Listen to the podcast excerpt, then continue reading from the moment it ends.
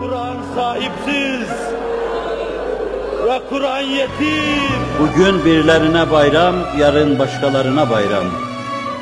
İyi günler diyeceksiniz. Meğer tatlı günler o günlermiş diyecek. Allah'ın inayeti sizinle beraber olsun.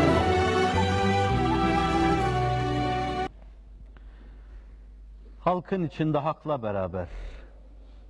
Burada duracak ama onunla beraber olacaksın. Hep onu düşüneceksin. Halvet yok, inziva yok. Rehberin olmamış ki sen olasın.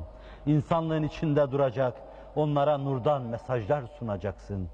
Tamire muhtaç gönüller var, onları sen yeniden kuracak, inşa edecek, onaracak, eski hüviyetini irca edeceksin.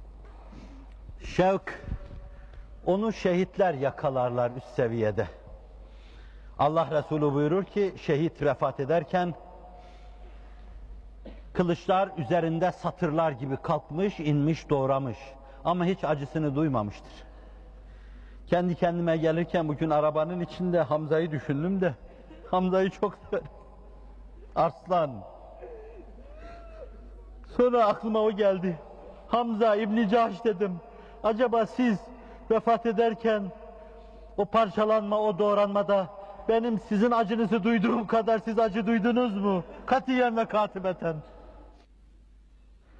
Ben tam 35 senedir onlar için ağlıyorum. Tam.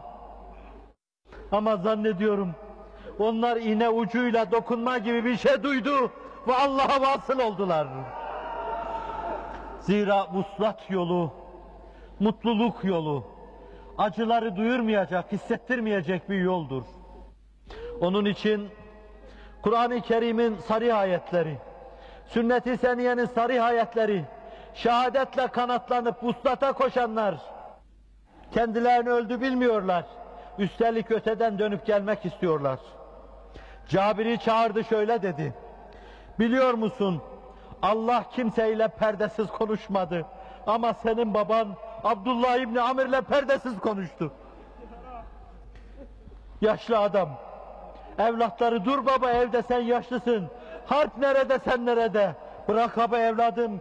Allah yolunda ölme Allah'a kavuşmama ne diye mani oluyorsunuz? Abdullah İbni Amr makamın cennet olsun. Ruhun şad olsun. Hepinizin ruhu şad olsun ve bize şefaatçi olun. Allah kimseyle perdesiz, hicapsız konuşmadı. Senin babanı karşısına aldı. Ne Ali şehitti ki, nasıl şevkle oraya gitmiş idiyse, Allah Celle Celaluhu öyle mukabele ediyordu.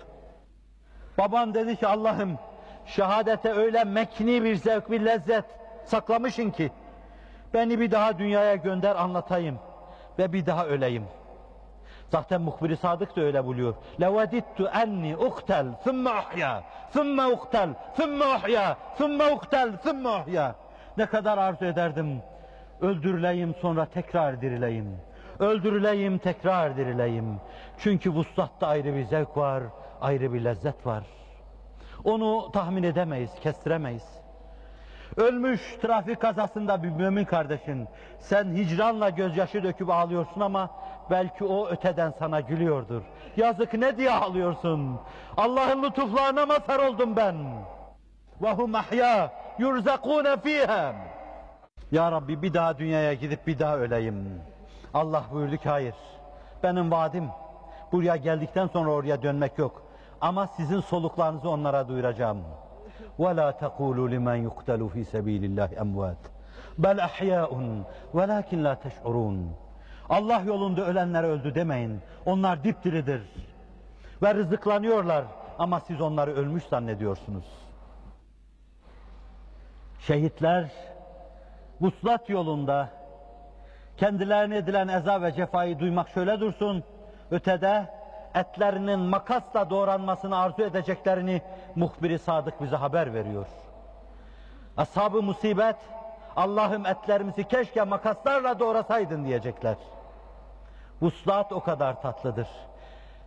Her gün vicdanında bu miracı yapan, o vuslatı yudumlayanlar zannediyorum, benim şu ham sözlerinden çok rahatsız oluyorlardır. Aslında ben de onlardan çok utanıyorum o ham sözlerinden. Vuslatı anlatmak kim, ben kim?